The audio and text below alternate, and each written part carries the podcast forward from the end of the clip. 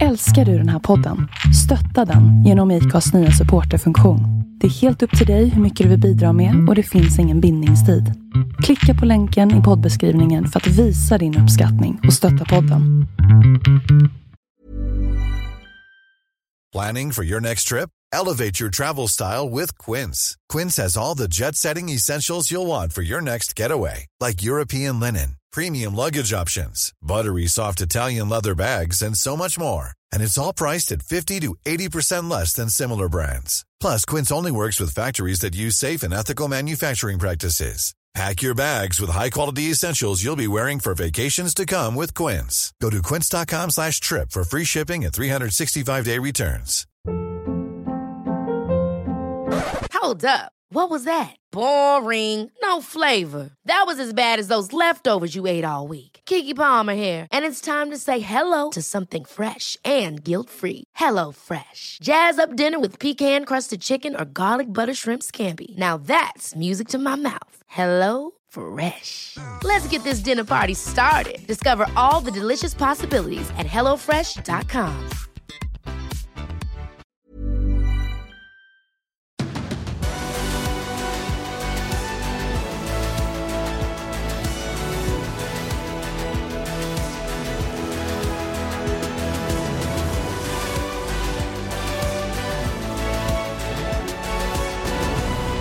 Hej och varmt välkommen till eh, ännu en MotoGP-podd med mig Tobias Lajon och med Andreas Mårtensson. Andreas Mårtensson, Ja, hur är visst. läget med dig? Hur är läget med dig? Nej men det kan inte vara bättre. Eh, ny racevecka är det ju, solen skiner. Jag är glad. Ja, och ledig har du varit ett par dagar. Ja visst, det är inte, det är inte fy skam. Nej, det hann jag också vara i helgen faktiskt. Eh, Speedway-säsongen är uppskjuten så att eh, jag har, eh, hade oväntad helgledighet. Cyklade ut i skogen gjorde jag. Vad tråkigt. Att speedway-säsongen är uppskjuten alltså. Det är tråkigt. Det är tråkigt. Jag vet inte exakt varför man inte har fått igång den med tanke på att eh, vårt mästerskap i MotoGP är igång sen, eh, sen en tid nu då. Ja, Du, eh, är du sugen på, eh, är du sugen på att snacka inför Jerez lite då? absolut. Vad har vi med på programmet? Eh, det är 110 podden. Eh, då blir det alltså 110 minus 100.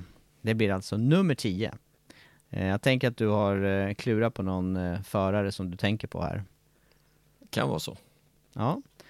Eh, nyhetssvep, lite grann om det senaste som har hänt här, även om de stora nyheterna brukar vänta till det blir dags för racehelg så, så har det ändå skett någonting sen senast. Så att eh, där tror jag vi kan täcka in det här snacket. Och sen inför eh, kommande helg med va? Ja, jag undrar om jag sa det. Det är Geresbanan som är på gång. Just det. Har du hört det? Har du hört det? Stockholms, eh, med lite Stockholmstugg. Ja, ja jag har ju det. Geresbanan ja. ja. Eller Jerez som vi andra säger. Ja, vi försöker säga det. Eh, och den banan är ju, den är ju välbekant för alla som följer GP Racing och för din del, massa tävlingar där. Så att eh, där ska vi nog ha en del att snacka om tänker jag. Den hittar vi nästan i sömnen runt va? Ja, det gör vi faktiskt. Och det gör ju förarna också. Det blir, eh, det, blir- men det blir en annan typ av eh, information och fakta som, som ligger bakom där än vad det vi såg i Qatar och säsongspremiären. Ja. Det börjar på riktigt kan man säga. Ja, men visst är det så. Det, Ja. Jag ser fram emot helgen av den eh, anledningen. Och sen blev det ju också lite oväntad utgång i, eh, i Portugal senast då med eh, ett par krascher som, eh, ja, stökar till poängställningen. Så att eh, i högsta grad intressant helg att se fram emot. Absolut. Men du, det här med, eh, med nummer 10 då. Hur, hur tänker du där? För där har vi inte snackat ihop oss så mycket innan. Vi har inte gjort det. Eh, och nummer 10 eh, behövdes eh, en sekunds betänketid innan jag kom på vem nummer 10 var. Eh, för mig i alla fall. Eh, vi har ju faktiskt en aktiv förare som har nummer 10, men ska vi vänta lite med honom? För det är inte honom främst jag tänker på faktiskt när det är nummer 10. Nej, och den aktiva idag det är ju Luca Marini. Men, men jag tänkte också på en av de här eh, klassikerna, eller i alla fall eh, i samma familj som en av de riktiga klassikerna. Eh, och det är Kenny Världs- Roberts Jr. Ja. världsmästare. Världsmästaren 2000. Mm. Kenny Roberts Jr, det är nummer 10 för mig. Dyker upp en stor 10 och det är en sån här klassisk stor 10 också. Svart på vit bakgrund. Halv meter höga siffror. Ja, på någon av cyklarna och på bilderna kanske det var så. Men han hade faktiskt 10, en stor del av sin eh, karriär faktiskt. Från 96 till då 2007 när han eh, la ner verksamheten med undantag då för två år. Eh, ena säsongen då 2000 när han blev världsmästare och sen säsongen efter när han körde med nummer ett. Mm. Det är precis så det ska vara. Ja, ja eller hur?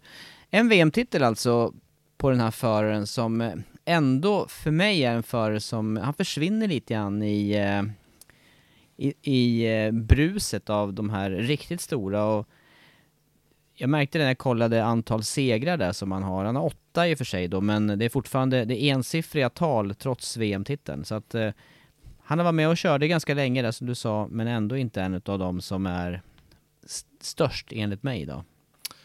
Så kan det ju vara. Eh, nej, men han började sin karriär 93 eh, i GP-sammanhang. Körde ju eh, Yamaha TZM där, så han körde 250 med andra ord i tre säsonger.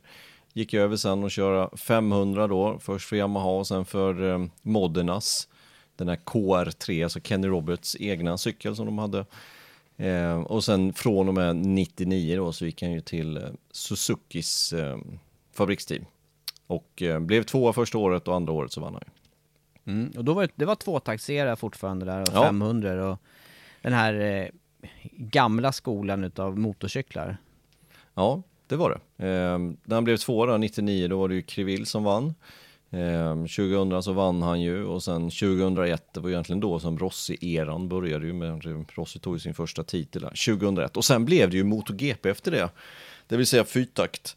Eh, och då körde han ju som sagt för Suzukis eh, fabriksteam där i fyra säsonger. Ja. Men eh, vad, eh, racemässigt där då, var du, var du med och aktiv och följde tävlingarna på den tiden Andreas eller? Ja, det var jag, eh, men jag har inga jättestora minnen av det. Jag, jag, tror däremot mitt starkaste minne just av Kenny Roberts, det var en krasch han gjorde på Assen. Och detta måste ha varit då, kan det ha varit 99? Jag tror att det var 99, när han gjorde en rejäl highsider i slutet av ja, bakrakan kan man ju säga, eller mellanrakan. Ur strubben där på baksidan och sen så svängde det lite fram och tillbaka. Och sen in i den här högersvängen som ligger där så gjorde han ju årets highside och flög ju som en vante där. Jag tror att det var ja, 99 eller 2000, det kan till och med ha varit hans, när han vann det året faktiskt, 2000 kan det ha varit, eh, som han gjorde den här highsiden. Den, den, den är på näthinnan fortfarande. Ja. Hur kom du åt racingen på den, sida, eh, på den tiden, det här med, med rörliga bilder? Va, va, hade du sånt hemma eller var du tvungen att ta hjälp av andra för att få kunna följa racingen? Då? Nej, vi hade det hemma. Var det inte um, tyska Eurosport som man uh, rattade in på något sätt med någon parabol via Sirius uh, satelliten? Jag vill ha för mig att man gjorde på det sättet.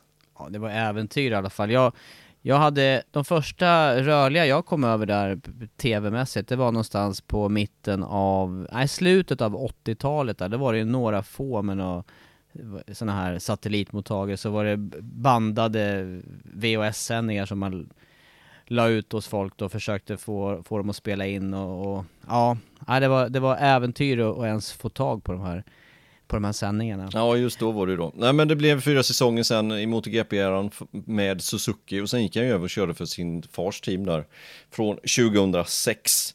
Ehm, och från och med den säsongen, innan det så har de ju dels haft sin egna motor, alltså i Roberts team där i MotoGP, då hade de sin egen motor.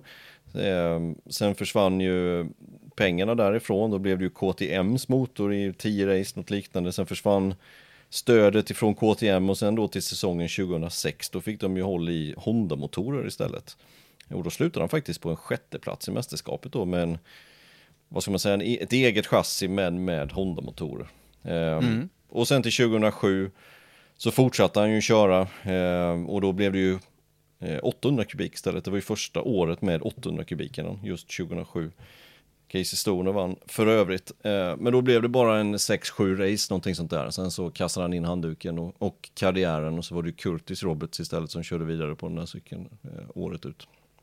Ja just det, en riktig dynasti där med, med pappa Roberts och sen eh, sönerna då som eh, tar vidare. Men ändå imponerande att få till en VM-titel då. Det är inte, det är inte vanligt ens med segrar far och son, men här, så här snackar vi alltså VM-titlar både för Kenny Roberts Senior och Kenny Roberts Junior då. Kan det varit, det är väl de enda som har gjort det va? Är det inte så? Ja, det är inga andra, ingen annan som poppar upp i mitt minne i alla fall med eh, far, son som har, som har VM-titlar. Om inte, om inte Bradel har någon VM-titel, men då snackar vi ju inte i största klassen. Nej, nej det gör vi inte. Ja, det är Nej. möjligt, men i största klassen så är de ju där med pappa där med tre titlar och eh, Robert som med en titel. 2000. Men det är alltså, men det är 20 år sedan, drygt. Ja, ja.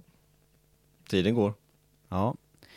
Eh, den andra, den, tänker du på något speciellt annat då? För att som jag sa här, den här föraren, även om, det, även om jag fick eh, fram nummer 10 snabbt på näthinnan så är det ändå en eh, som har gått lite förbi sådär. Ingen, eh, jag har inte gett några större avtryck hos mig i alla fall. Jag, jag vet inte om du tänker på något annat särskilt än den där kraschen där.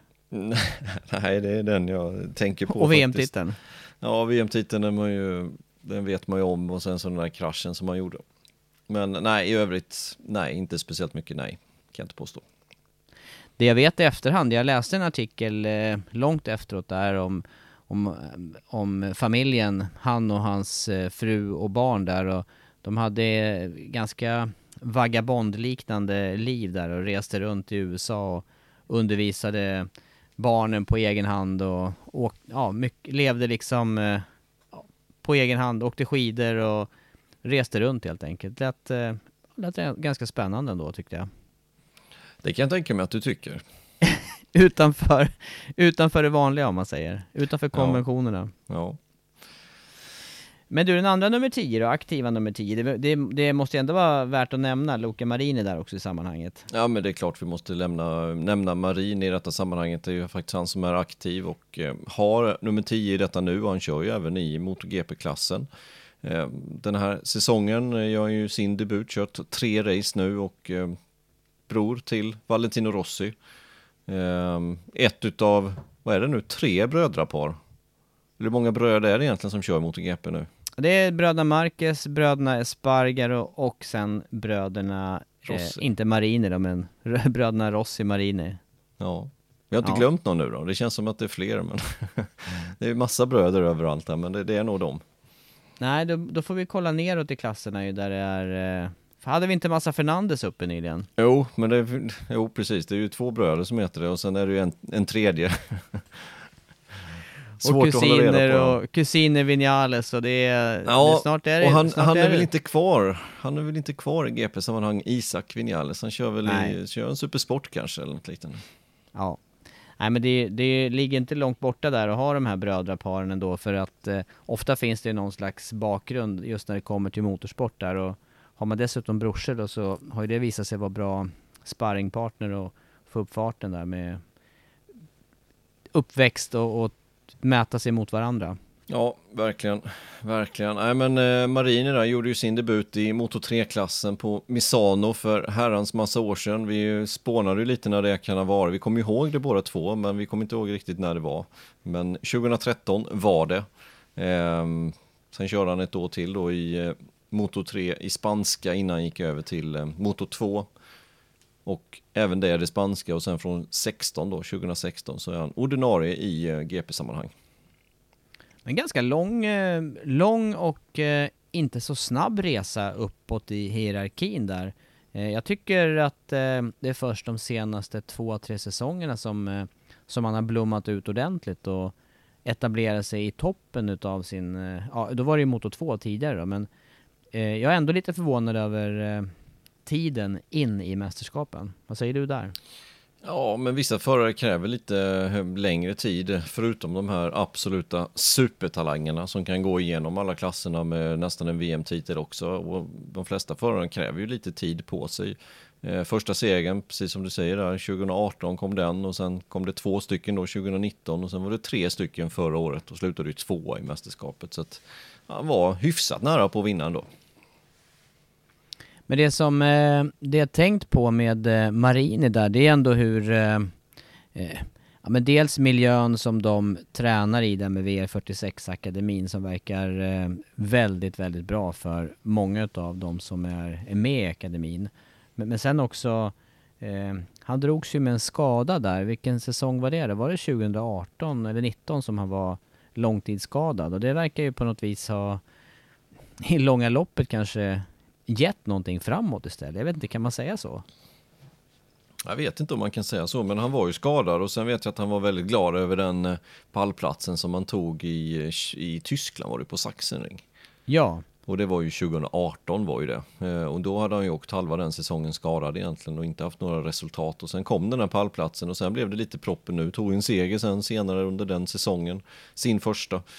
Eh, så att ja, det kanske ligger någonting i det, men man vill ju inte åka skadad heller. Nej, men, men i, i vissa fall så får det förare och, nu ska inte jag säga det för Marinis del där, men han, eh, han, eh, ja på något vis kämpar sig igenom en skada där, då kanske, då blir nästa svårighet att vinna race och vinna ett mästerskap blir kanske mindre i sammanhanget. Lite det här som vi var inne på tidigare på säsongen med Vinales. Vänta barn, fokus på någonting annat och sen så plötsligt så går det ännu bättre på banan en period. Ja, kanske. Men nu är han i MotoGP i vilket fall som helst. Ja, och det på en cykel som är eh, tillsammans med Bastianini som är äldsta i startfältet. Vad, vad ja. säger du om att hoppa in där då? För det är ju annars ett otroligt jämnt eh, maskinmaterial och jämnt tidsmässigt i racen. Ja men det är ju svårt givetvis men han gjorde ju faktiskt väldigt bra race senast, slutade 12 i, eh, i Portimao, det är ju helt, helt klart godkänt. Ehm, och tog sina första poäng dessutom, fyra stycken då så att Spännande att följa men det blir ju ändå en lärosäsong för både Marini och Bastianini. Det, det går inte att komma ifrån. Nej, och det är alltså från Moto 2 som sagt var. Då, ändå, då väljer man ändå toppförarna i Moto 2 nu upp till, eh, till MotoGP. Men det här... Eh, eh, ja. Bastianini har lyckats aningen bättre än vad Marina gjort. Säger det någonting om dem som förare tror du? Nej, eh, det tror jag faktiskt inte. Inte just inte just så här inledningsvis, för det är en speciell säsong, det måste vi tänka på än så länge med de tre racen, två stycken alltså i, i Qatar och eh, jag tror vi får avvakta lite liksom innan vi, innan vi vet mer där, faktiskt. Vem som kommer vara starkast. Det här startnumret då, hur länge har du följt Marini? Har du koll på det? Hur länge har han haft nummer 10? Nej, det har jag inte riktigt koll på. Men det, visst är det en stund nu? Ja, Eh, ja, säger jag, ja. svävande på svaret här. Men han, eh, han, eh, eh ja, körde med det i Moto 2. Det är, eh, ja, jag förknippar det med honom flera säsonger bakåt, men sen vad det är som gör att det blir nummer 10 vidare sen när man väl fastnar för ett nummer, det det är ju lite oklart för mig där. Ja, jag vet faktiskt inte vad han hade, men jag tror att han hade det första året han kom in i GP-sammanhang faktiskt. Vad tycker du själv då? Rent eh, utseendemässigt här, 1-0, ser det bra ut? Det är ju ett av de klassiska numren, om vi går till an, i, i övriga startnummer tänkte jag säga, eller tröjnummer, så är det ju ett väldigt klassiskt nummer. Maradona. Ja, just det. Just det. Känner till och med jag igen. Till och med honom känner du igen ja. Mm. Ja. Den tröjan dök ju upp i Argentina där på Rossi. Ja, det gjorde den. Första året man körde där. Ja, Men det du, var Marini. Du, ja, det var Marini och Kenny Roberts Jr. Något mer har inte jag på nummer 10, Andreas. Nej, men då tycker jag vi går in på ryktet här nu. När vi ändå pratar Marini, Ducati VR46, så tycker jag vi går in på första ryktet. Och det kom i veckan här att eh, de är i slutförhandlingar och förhandlar med Ducati till nästkommande säsong. Eh, det vill säga rossiskt team med andra ord, förhoppningsvis då två cyklar. Spännande. Vi pratar ju mycket om det kan bli Yamaha, det kan bli Suzuki, men det kan också bli Ducati. Eh, det snackas lite om Aprilia också, men jag tror att det är önsketänkande men från vissas sida. Men eh, Ducati tror jag är ett, ett tillförlitligt rykte.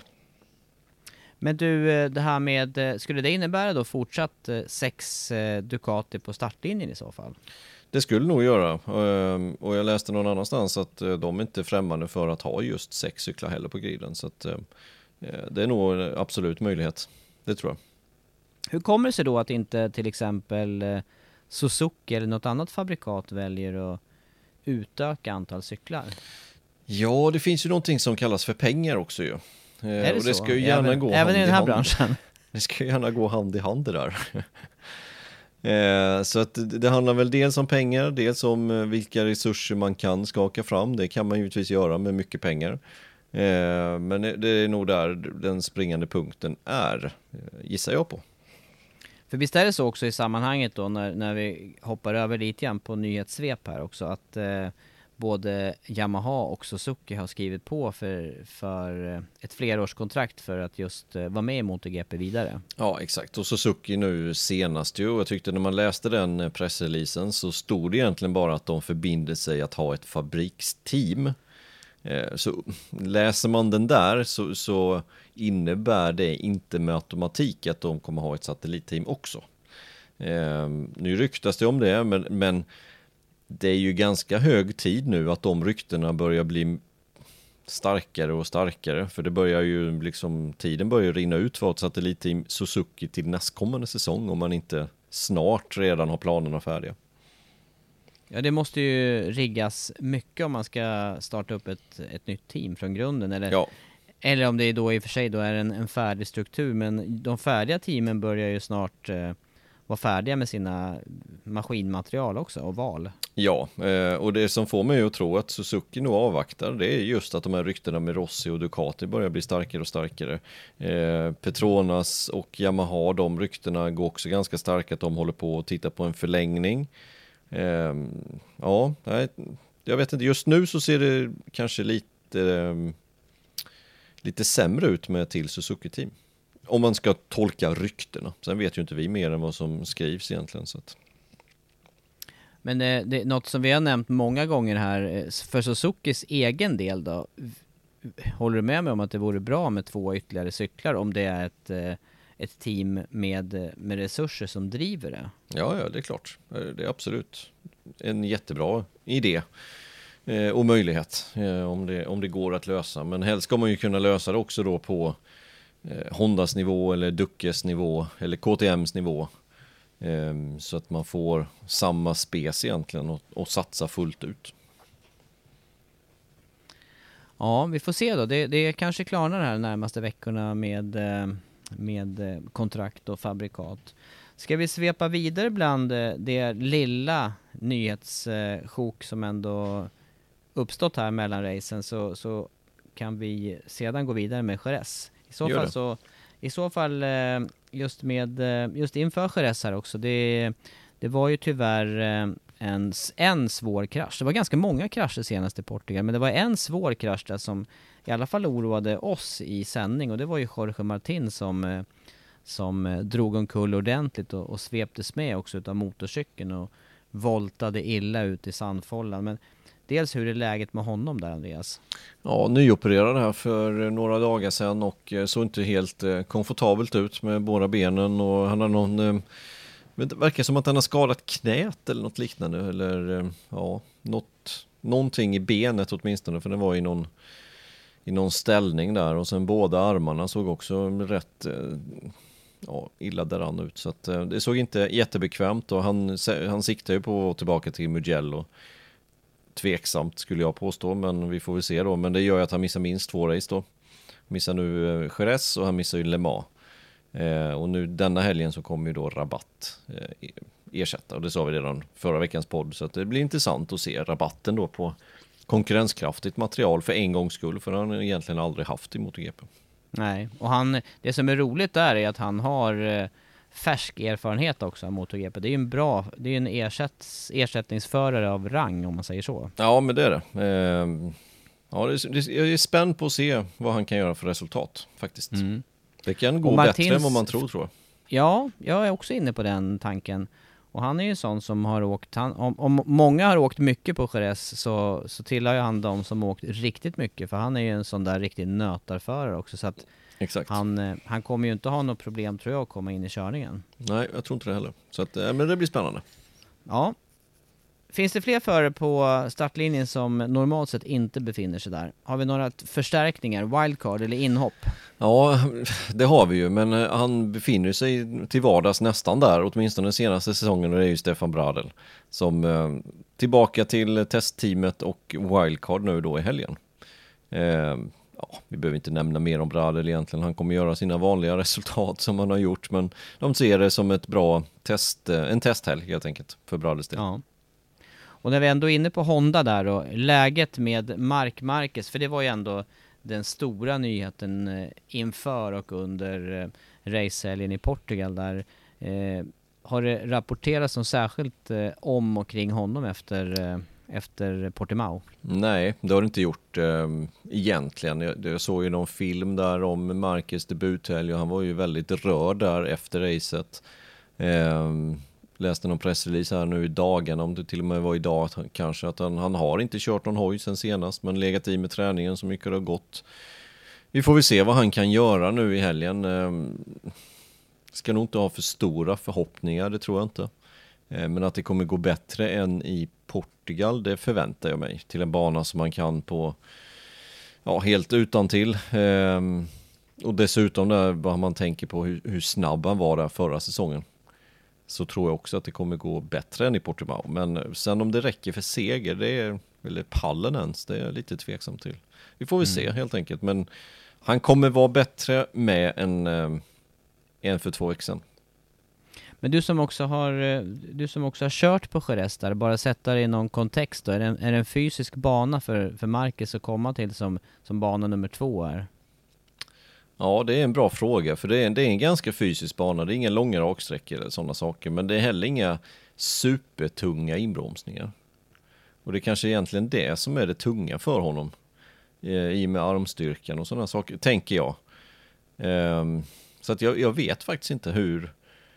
Visst, fysisk bana, han kan inte vila så mycket, men å andra sidan inte superhårda inbromsningar.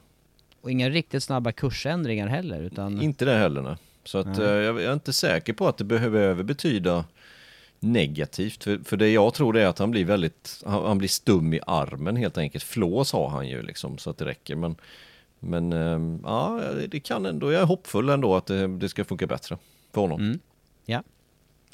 Men du, då leder ju det in oss på, på kommande racehelg här då, som är Jerez. Och Jerez, klassiker på kalendern, har funnits med sedan, eh, ja, 80-talet. Jag törs inte säga exakt, men det är en av de här banorna som har funnits med riktigt, riktigt länge på kalendern. Eh, normalt, normala år, jättestora åskådarmassor där. Upp mot en kvarts miljon var det ju under racehelgen när det var på sina, på sin eh, Eh, men eh, man, man brukar också säga att det är, när, man, när mästerskapet kommer till Jerez, då börjar säsongen på riktigt. Vad, vad innebär det egentligen? Ja, nej, men säsongen har ju alltid, ska jag inte säga, men den har ju ofta börjat där innan det blev de här overseas-racen, inga Qatar och sen var det Argentina och USA som har tillkommit de senaste åren. Eh, men det var ändå liksom här att man började säsongen på Jerez. Eh, och det lever lite kvar, även fast vi har kört tre race och de gäller ju precis lika mycket som vilka race som helst. Men de tre racen vi har kört ska vi komma ihåg att det är Qatar, det är en speciell bana, den passar vissa hojar, vi kör på kvällen. Eh, de har testat mycket, men just hur mycket man kan testa det, man kan köra jättemånga varv, men hur många varv är det vi egentligen som ger någonting, ungefär som på racet då. Eh, I och med att den första träningen går ju när det är svinvarmt ute och den andra går ju när det är lagom temperatur om man nu får säga så. Så att det är en speciell, två speciella racehelger. Och sen Portimao där man körde första gången i höstas. Så att hur, stora växlar kan man dra från det racet? Ja, inte överdrivet mycket. Men däremot i Jerez nu, då vill jag också påstå att nu börjar liksom den eh, inom situationstecken riktiga säsongen. Eh, för nu är det klassiska banor som, som följer här med Jerez och sen är det Le Mans och sen är det Mugello. Ehm, och sen är det Barcelona och sen kan vi fortsätta på de här klassiska då med Assen och allt möjligt. Men, men det är nu på något sätt det kommer att sätta sig. Eh, och det är det som jag väntar mycket på faktiskt. Få se Men- riktig speed här. Men det man också kan lägga till där i det här med och, och att säga att säsongen startar, det är också att majoriteten av förarna kommer från Spanien. Eh, med just det här, åtminstone tidigare år då, publiktrycket och att man är på något vis i eh, både under press men också för vissa väldigt mycket hemmastöd. Eh, det ser ju trots allt lite annorlunda ut både under fjolåret och eh, kommer att göra under den här säsongen. Ja. I alla fall så långt vi har sett hittills. Jo, det gör det, men det har de ju vant sig vid nu. Det har de ju haft en och en halv säsong på sig att, att vänja sig vid, så det, det ser jag inte som något problem egentligen. Men de kommer till en bana där alla känner till, jag kollar väderprognosen precis här, det ser ja, precis som det brukar göra på en racehelg. Konstigt nog att det är lite molnigt på fredagen, lite varmare på lördagen och sen supervarmt på söndagen. Det är, det är märkligt att det går de där tripp, trapp, trull fredag, lördag, söndag, men så ser det ut. 23-25 grader på söndag säger väderprognosen. Det kan mycket väl innebära 28-29 där 14.00 när vi drar igång racet på söndag. Eh, så att det kommer bli inte supervarmt, men varmt, precis som det brukar vara vid den här årstiden i Jerez. Till skillnad från förra året då så blir det ju ett race nu och de, eh, som, som kalendern är satt så är det ju inte några fler dubbelrace inbokade förutom där i Qatar då där det var två lopp på samma bana inom, eh, inom eh, ja, med, med två helger på rad. Eh, hur blir det om man tittar på jämfört med fjolåret tänker du? Det blir som första helgen där ju. Så Lätt. det blir bra. Bra svar. Mm, jag vet. Nej men det, det, jag tyckte ju inte om de racen och det gör jag fortfarande inte även fast det blev väldigt tätt och andra Qatar-racet. Men eh, jag tycker att det är bra att man inte har det fler gånger. Förhoppningsvis så slipper vi det. Men strunt samma. Det, nu är det ett race där och eh, spännande. Mycket, mycket spännande. Eh, vi har lite förväntningar med va? Absolut. Eh, vi var inne på Marcus där, förväntningarna på honom att han eh, pallar med fysiskt då den här banan som, som står för dörren och orkar eh, fullfölja racet precis som han gjorde i eh, Portugal. Sjunde plats blev det där. Ehm, eh, du är uppe och tippar eventuellt då, eh, om det går riktigt bra, en, en pallplats för Marcus, men kanske inte mera? Nej, där skulle jag, mm, nej men det, det, det är min tippning. Det, det, om jag ska tippa Marcus resultat i helgen så kanske en pallplats, kanske fyra, kanske femma. Men någonstans i det området eh, gissar jag på, men eh, som sagt, vi har ju gissat fel förr så att det händer ju rätt ofta. Nej men jag skulle inte heller, jag skulle inte sätta Marquez, eh, inte efter det vi såg i Portugal, sätter jag inte honom eh, och matcha till exempel Quartararo som var helt överlägsen där två helger förra året och, och som dessutom verkar ha hittat tillbaka till sin körning från fjolåret på, på nya cykeln nu i år. Ja exakt, du kan ju gissa om han kommer till, Port, eller till Jerez nu med gott självförtroende. Två raka segrar i bagaget på två banor som ja, kanske inte riktigt passar honom egentligen. Eh, förra racet, Vinales, gör ju verkligen inget liv av sig överhuvudtaget. Medan Quattararo går och vinner racet. Nu kommer han till en bana där han tog två raka segrar, helt överlägsen förra säsongen. Hans självförtroende är nog ganska bra i detta nu. Och ja. inget regn lovat dessutom. Nej, och han är 15 poäng före Banjaya i mästerskapet och 20 poäng före Vinales då, så att, eh, det, var, det var en kostsam helg för Vinales. Men just eh, Quartararo, jättestark. Eh, sen tror jag även att eh, Morbidelli kommer att fortsätta vara stark. This is Paige, the co-host of Giggly Squad, and I want to tell you about a company that I've been loving, Olive and June. Olive and June gives you everything that you need for a salon quality manicure in one box. And if you break it down, it really comes out to $2 a manicure, which is absolutely insane. It's also so easy to get salon worthy nails at home with Olive and June. The difference between how your nails used to look when you did them yourself and now with the Manny system is a complete game changer. The best thing about Olive and June too is it's a quick dry, dries in about one minute, lasts for five days, and full coverage in up to one to two coats. Visit oliveandjune.com slash perfect Manny 20 for 20% off your first system. That's oliveandjune.com slash perfect Manny 20 for 20% off your first system. System. Imagine the softest sheets you've ever felt. Now imagine them getting even softer over time. That's what you'll feel with Bowl and Branch's organic cotton sheets. In a recent customer survey, 96% replied that Bowl and Branch sheets get softer with every wash. Start getting your best night's sleep in these sheets that get softer and softer for years to come. Try their sheets with a 30-night guarantee. Plus, get 15% off your first order at bowlandbranch.com. Code BUTTERY. Exclusions apply. See site for details. Hiring for your small business? If you're not looking for professionals on LinkedIn, you're looking in the wrong place. That's like looking for your car keys in a fish tank. LinkedIn helps you hire professionals you can't find anywhere else, even those who aren't actively searching for a new job but might be open to the perfect role. In a given month, over 70% of LinkedIn users don't even visit other leading job sites. So start looking in the right place. With LinkedIn, you can hire professionals like a professional. Post your free job on linkedin.com slash achieve today.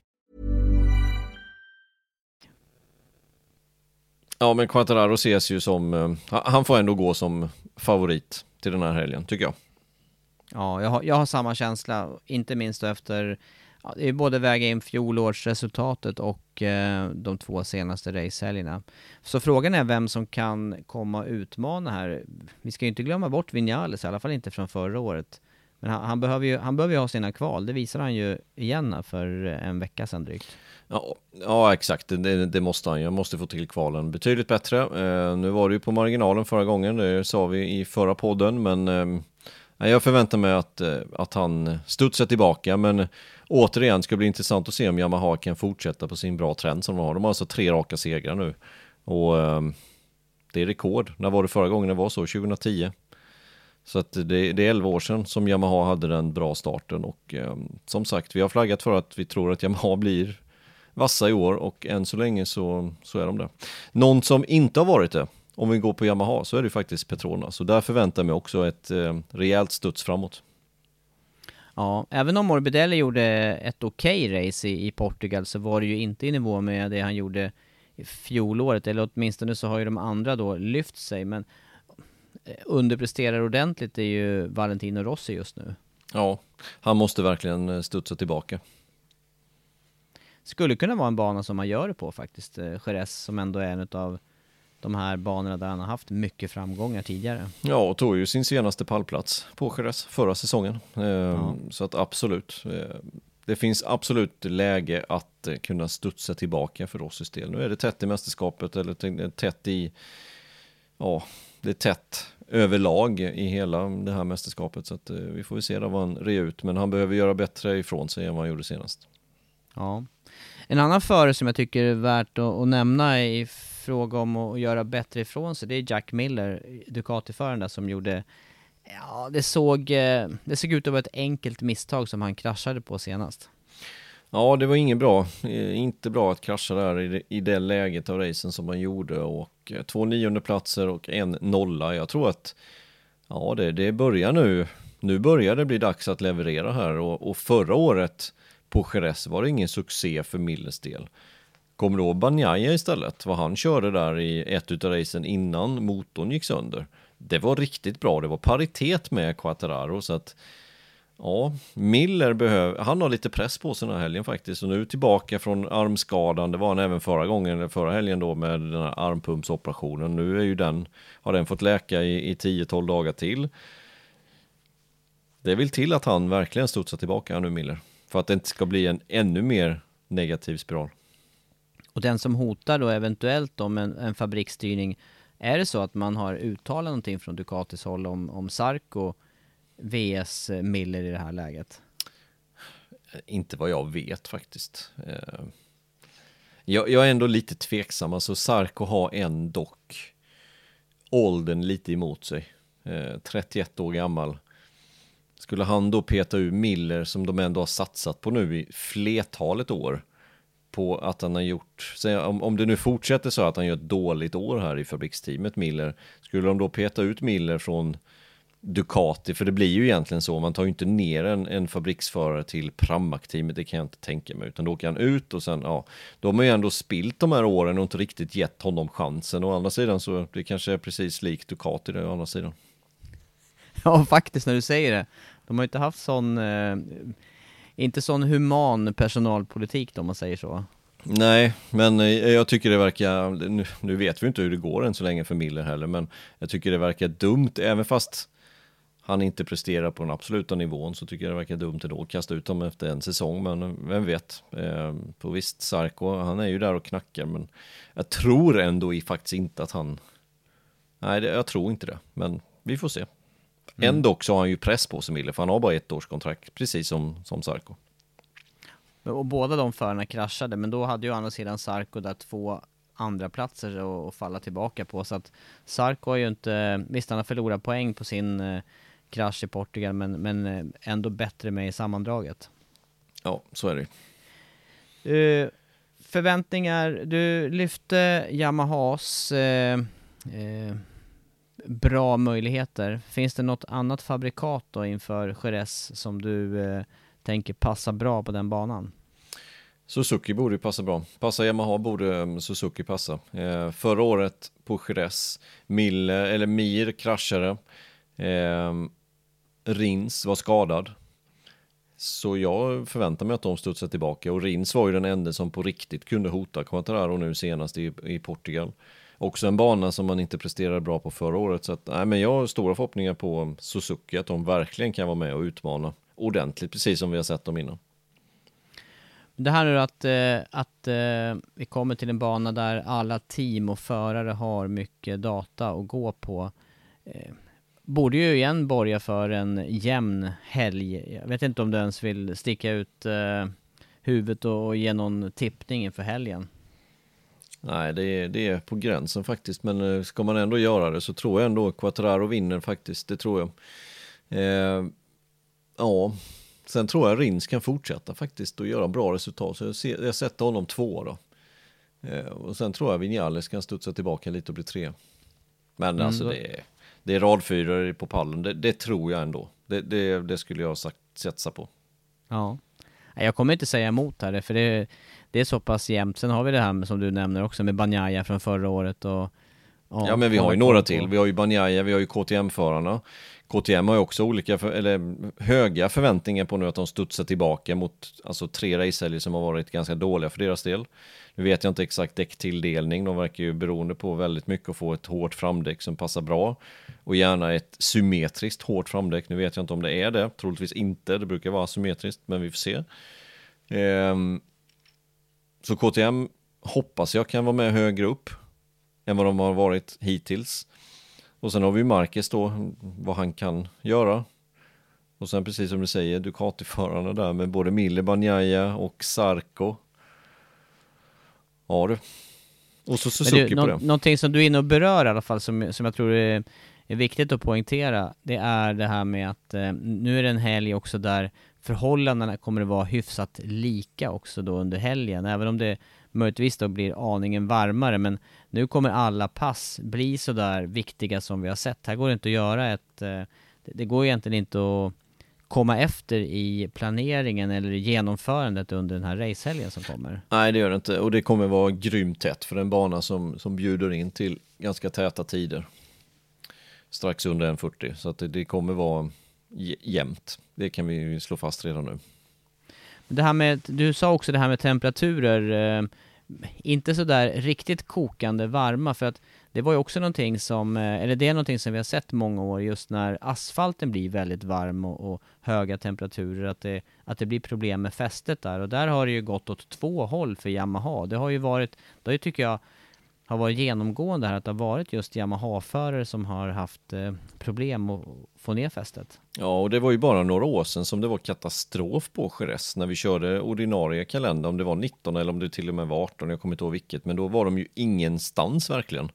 Och sen så då förra året då spåddes ju de ha stora problem också i och med att det var så höga temperaturer. Och, och då vann Quattararo båda racen och Vinales var på pallen i något race och, och Rossi var dessutom på pallen så att då passade det helt plötsligt. Så att det där är ju jättesvårt men det känns ändå som på de här tre första racen att de har skalat bort det lite grann, att de inte är så beroende av det. Men som sagt det kommer ju de närmsta racen eh, bevisa här nu om, om det är så eller om det inte är så.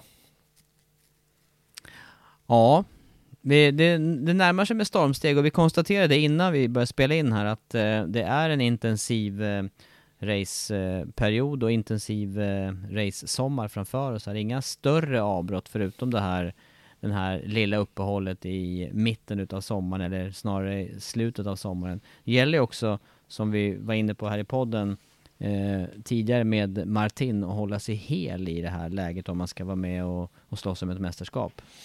Ja, det har man ju. Det så är det ju alltid i det här mästerskapet. Att eh, risken finns att slå sig allvarligt och det ska man ju helst inte göra. Så att, eh, nej, nu är det ju varannan vecka här nu hela maj. Eh, och sen är det dubbelrace då med eh, Mugello och Barcelona. Och sen är det varannan vecka igen fram till vi kommer till eh, Sachsenring, Assen. Mm. Så att ja, det går i ett nu. Kul, tycker jag. Ja, det blir kul. Nedräkning, nedräkning börjar. Dags att avrunda. Vad säger du? Ja, först ska vi tacka alla som stöttar denna podd. Stort tack. Ehm, ja, bra med lyssnare senaste episoderna. Det tycker jag är jätteroligt när man tittar statistik. Och ehm, nästa vecka då är det startnummer 11. Har du koll på startnummer 11? Ehm, ja, hoppas. Jag hoppas att jag ska kunna skramla fram någon där. Ja, ja jag, jag har koll på nummer 11 också. Du är redan klar kanske? Ja, ja, den är jag redan klar med. Så att, eh, det blir, Gör en det blir roligt. förinspelning. Vi, vi börjar direkt göra en förinspelning nu då. Kör den på en gång. Nej, det gör vi inte. Det väntar vi med till nästa vecka. Men i helgen så är det eh, Jerez. Det är på V-sport 1 i och med att det är Formel 1 samma helg och de kör ju faktiskt på Portimao den här gången. Där var vi för två veckor sedan. Eh, men de sänder ju på V-sport Motor precis som vanligt eh, och vi får då flytta på oss till V-sport 1. Race-start som vanligt 14.00 europeiska tider den här helgen, det vill säga då första träningen drar igång 9.45 på fredag. Uppsnack 13.25 och race-start som jag sa 14.00. Och då har vi en hel helg att umgås ytterligare. Visst det blir det bra? Härligt, mycket härligt. Hoppas vädret ska bli dåligt i Sverige i helgen. Ja, Vi kan sitta det, värsta är att inne. jag tror inte, det värsta är att jag tror inte det. Vi hade ju en ledig helg nyss, det var ju snöfall och Ja. allt vad det var. Isvindar. Ja, det blir inte två helger i rad kanske, men sånt är livet. Nu är det dags att avsluta för idag. Tack för idag Tobias. Tack så mycket Andreas. Tack.